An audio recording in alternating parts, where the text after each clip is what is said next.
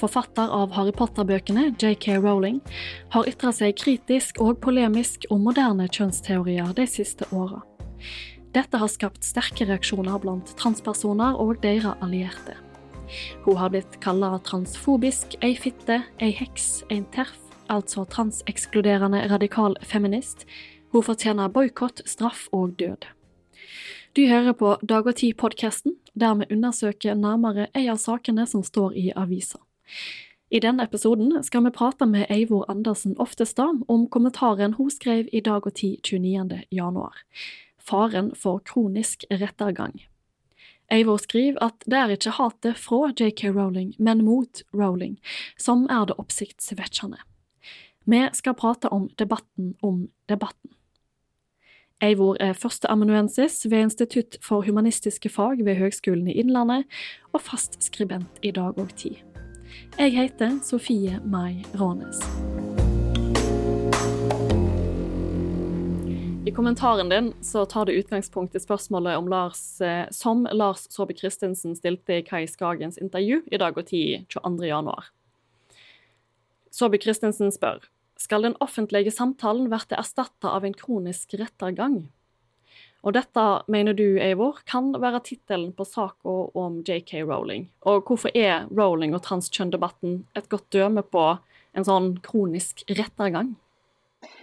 Ja, hvis vi ser på den debatten slik som den har, eller utspiller seg i England da, og i utlandet, der hvor, der hvor hun bor, eller det miljøet hun er i, så er det jo en, et voldsomt kjør mot uh, henne, hvor hun blir nærmest demonisert. Og det virker ikke som folk uh, Man samtaler ikke, da. Det er det som er poenget her. At samtale er noe som er en dialog, noe som går begge veier. Men her er det bare et, uh, en demonisering og en baksvaskelse og en prøver å merke, sette en merkelopp i panna på en stigmatisering da, for å få henne ut av en offentlig samtale. Men nå vil jeg jo si at jeg, selv om jeg syns hun har gode poeng, så er det jo hun er jo kanskje ikke alltid så smart. da, når man Jeg syns jo ikke noe om å kjøre sånn billige poeng på Twitter uansett. Men det, hun har også skrevet lange tekster hvor hun redegjør veldig grundig for hva hun tenker og, og hvorfor, som eh, absolutt kan inngå i en helt normal, sindig samtale. Så det er jo den samtalen jeg skulle ønske vi kunne ha i mye større grad, i stedet for å stå og rope slagord til hverandre og demonisere hverandre. Ja, hvorfor mener du at en sånn samtale er viktig? Det er jo viktig fordi det er slik vi som mennesker eh, kan eh, finne ut av ting. Da. At man er nødt til å bryne seg mot hverandre med forskjellige synspunkter. Og de, i f.eks. i denne debatten så er det jo hypoteser man holder på med. Det er jo ingen som sitter der med en absolutt sannhet. Så da må man jo forsøke å forstå hvordan tenker den andre, og hvordan, hvordan kan vi korrigere det vi tenker, og hvordan kan vi komme fram til noe vi kan leve med sammen i et samfunn. Det er, altså det er en samtale og dialog er jo helt elementære måter å diskutere ting på og komme frem til ting i et, eh, i en, i et samfunn. Da. Ja, for du nevner dette her humanistiske prosjektet. Mm. Eh, hvorfor det er viktig å lytte, til, å lytte og lese til det han, hun eller hen sier mm. og skriver. Hva mener du egentlig med dette her humanistiske prosjektet? Det handler om at mennesket har en fornuft, og at vi eh, gjennom fornuften vår kan eh, diskutere og komme fram til en dypere innsikt, og at man kan eh, berikes av hverandres eh, fornuft. Og ikke bare dikteres av en autoritet utenfra. Nå eh, kommer jo humanismen, slik jeg ser det, også er veldig sterkt knyttet til en kristen sivilisasjon, men ofte så tenker man jo at fornuft og religiøs autoritet er to forskjellige ting. Da. Sånn at det, når humanismen vokser frem, så er jo det ofte i en liten sånn motsetning til de religiøse autoriteter som ville styre tenkningen, mens her er mennesket selv faktisk gitt fornuft og kan komme frem til innsikt. Og da er det jo et prosjekt å, å bruke den eh, til fellesskapets beste, og i en sivilisasjon og i et samfunn. Altså hva er et samfunn? Det er jo mennesker, forskjellige mennesker som skal leve sammen. og da hvordan gjør vi det? Det er jo ikke sånn at et mindretall kan styre over et flertall, f.eks. Altså, man er nødt til å, å, å, snakke sammen. Og så brukte jeg jo universitetet som eksempel. At det er jo den mm. vitenskapelige idealet er jo å bruke fornuften og komme fram til en høyere innsikt. Da. Og den fornuften skal være fri. Det er jo også et veldig viktig poeng. Ja, når en prater om hvordan den offentlige samtalen bør foregå, så havner en fort i mange andre store temaer om rasjonalitet, demokrati og ytringsfridom. Og vi rekker jo selvsagt ikke innom alt dette. Men du, Eivor, peker på noen mekanismer for knebling i den offentlige samtalen som vi har sett før. Du sammenlikner behandlinga av Rowling med den katolske kirkas i bannlysing av Martin Luther, da han kritiserte avlaten. Kan du forklare den analogien litt nærmere? Ja, det var bare et uh, nærliggende eksempel fra mitt uh, eget fag, da. Men uh, poenget her er jo altså en bannlysning. Og, det, og en ga, og gapestokk, altså vår tids prosesser, hvordan det virker. For at du må prøve å tenke ok, alle samfunn har mekanismer hvor hvis du har en autoritet som da vil bli kvitt kritikk, så kan du slik det har foregått gjennom historien, da, så har det vært eh, bannlysning f.eks. Og, og gapestokk, det var bare to eksempler. Og, og sensur, da. Og gjennom eh, både den katolske kirken i middelalderen, men også de dansk-norske kongene i tidlig moderne tid. De drev en omfattende sensur, og ingenting som ble utgitt som ikke de hadde godkjent.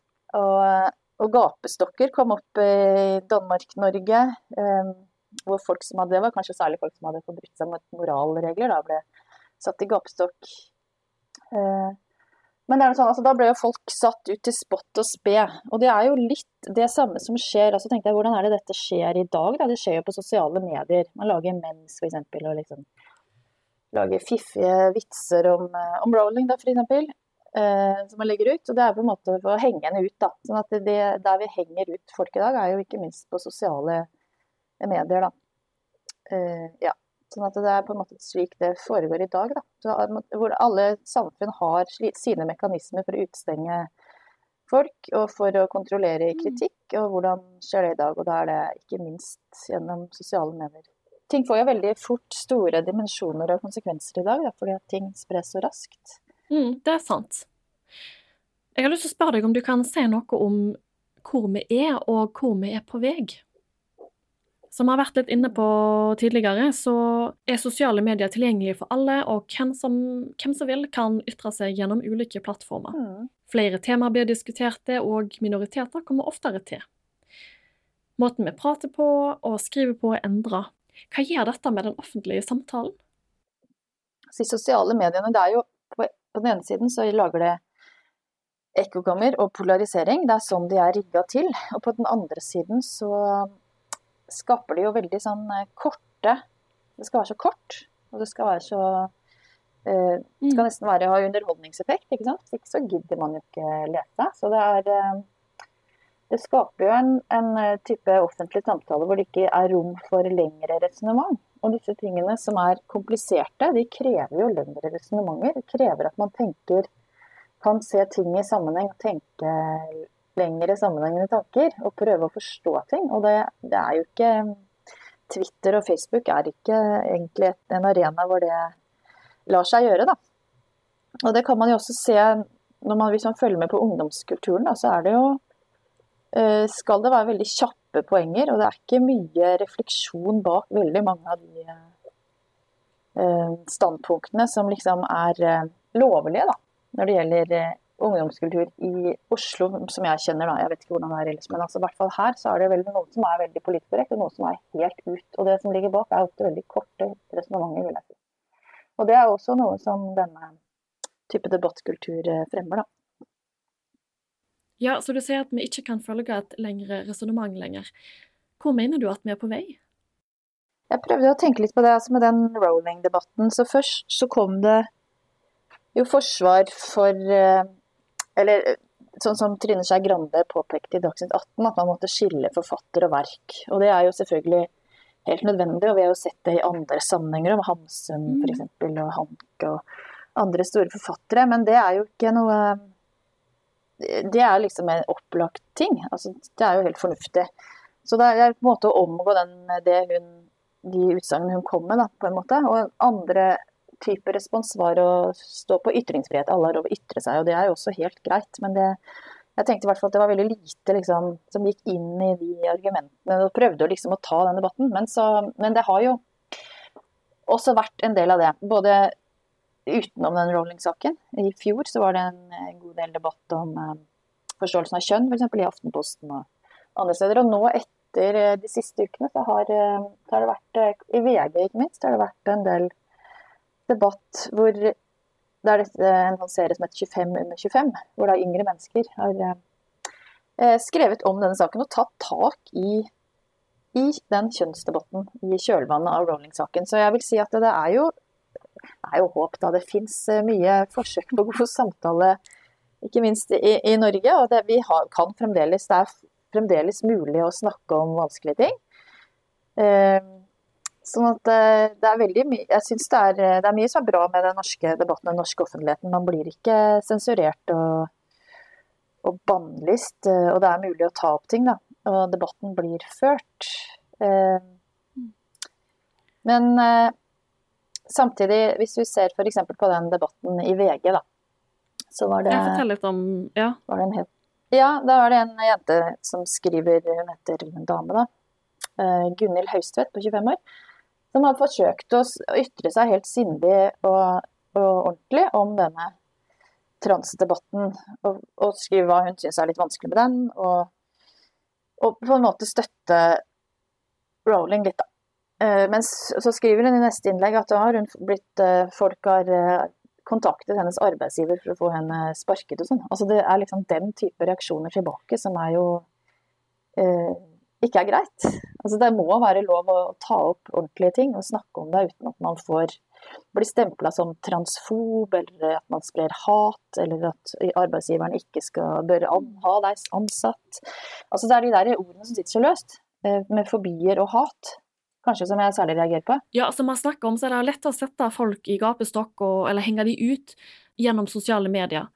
Så til slutt så lurer jeg på om du kan si noe om hvor ille du tror dette debattklimaet kan bli? Ja, det er jo et godt spørsmål, og det er vanskelig å svare på. Eh, nå vil jo antagelig debattklimaet følge eh, mediet, medie, da. Som er eh, kjapt og digitalt, og i hvert fall nå i denne tiden her er det jo bare digitalt. Og, og som fremmer da korte ytringer og polarisert debatt. Men det er jo lov å håpe, og jeg syns jo at det er, som sagt, da, så er det mange tegn i den norske debatten på at det er mulig å snakke sammen. Eh, og at det er mange fornuftige mennesker som ytrer seg også. Eh, men det som er, er jo samtidig, selv om debatten i Norge, for det er den jeg kjenner best av, er eh, ikke så verst, det mener jeg, så er det jo likevel Politikken kjører jo allikevel ganske hardt en vei, da. Det er, den, det er veldig sterke lobbybevegelser som allikevel styrer politikken. Men samtidig så har man en debatt på siden. Kanskje det gjør at uh, altså man lar debatten gå, men politikken blir styrt allikevel ganske hardt. Da. Så det er ikke nødvendigvis noe å si på det. Uh, men hvordan debatten går er vanskelig å si, det tror jeg ikke man helt kan forutse.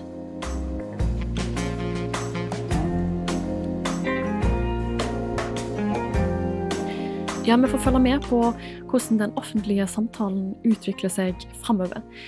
Og så håper jeg at vi ikke blir noe dårligere til å lytte i framtida. Takk for en spennende samtale, Eivor, og takk til deg som lytta. Vi er tilbake neste uke med et nytt tema og en ny gjest.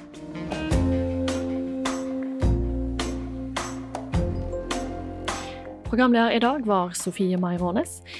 Produsent var jeg og Gregor Falkner.